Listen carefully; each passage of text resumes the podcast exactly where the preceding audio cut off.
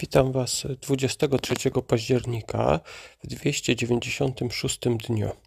Zapraszam do wysłuchania trzech takich ciekawych rzeczy, które były do przeczytania w trzech fragmentach biblijnych. Druga Samuela, rozdział 19. Wczoraj czytaliśmy o tym, jak Joab i dwóch innych dowódców pokonało dla Dawida zbuntowane wojska jego syna Absaloma. Absalom zginął i Dawid rozpaczał po nim. Tutaj w wersecie szóstym y, słyszymy wypowiedź Joaba, który karci Dawida. E, druga Samuela 19:6.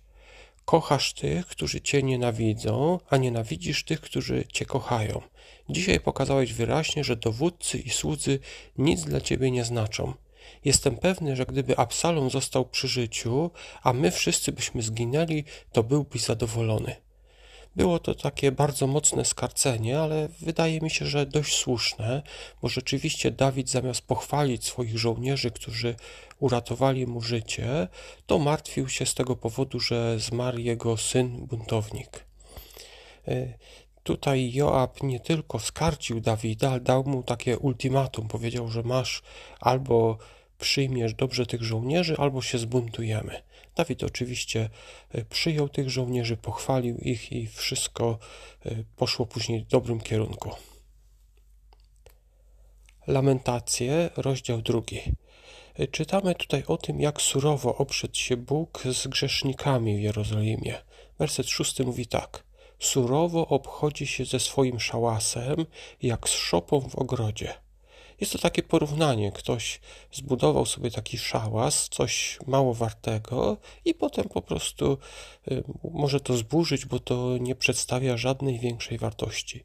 I tak niejako Bóg oprzedł się y, z Jerozolimą. Ona też w jego oczach nie miała wartości, tym bardziej, że byli y, tam grzeszni ludzie. Kiedyś mówiłem już o tym, że można poznać ludzi, taki smutek po tym, że ktoś smuci się z powodu y, smuci się z powodu skutków swojego gniewu, swojego, swoich błędów. I tutaj w zasadzie jest też przykład tego, ale zauważmy, że Jeremiasz nie był grzesznikiem, on nie spowodował, a mimo wszystko żal mu tego, co się stało, żal mu skutków. Czyli nawet osoby, które. Mm, są prawe, takie osoby też mogą czasami żałować skutków, które słusznie przyszły.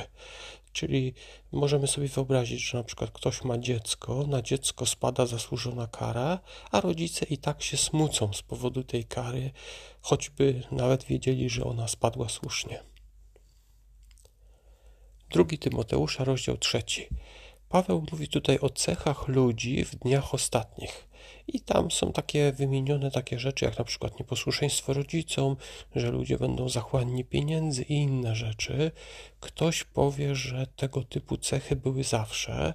No i rzeczywiście zawsze ludzie byli nieposłuszni rodzicom, zawsze byli ludzie chciwi pieniędzy. Co jednak Paweł miał na myśli, wyjawia w wersecie 13. Czytamy tam – Tymczasem ludzie źli i zwodziciele będą się dalej posuwać ku temu, co gorsze, błądząc i innych w błąd wprowadzając.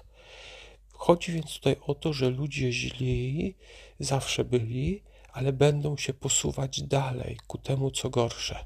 Czyli ci ludzie nie mieli pozostawać w nieposłuszeństwie rodziców, takim jakby zwykłym, tylko pójść dalej. Ci chciwi pieniędzy też mieli pójść dalej.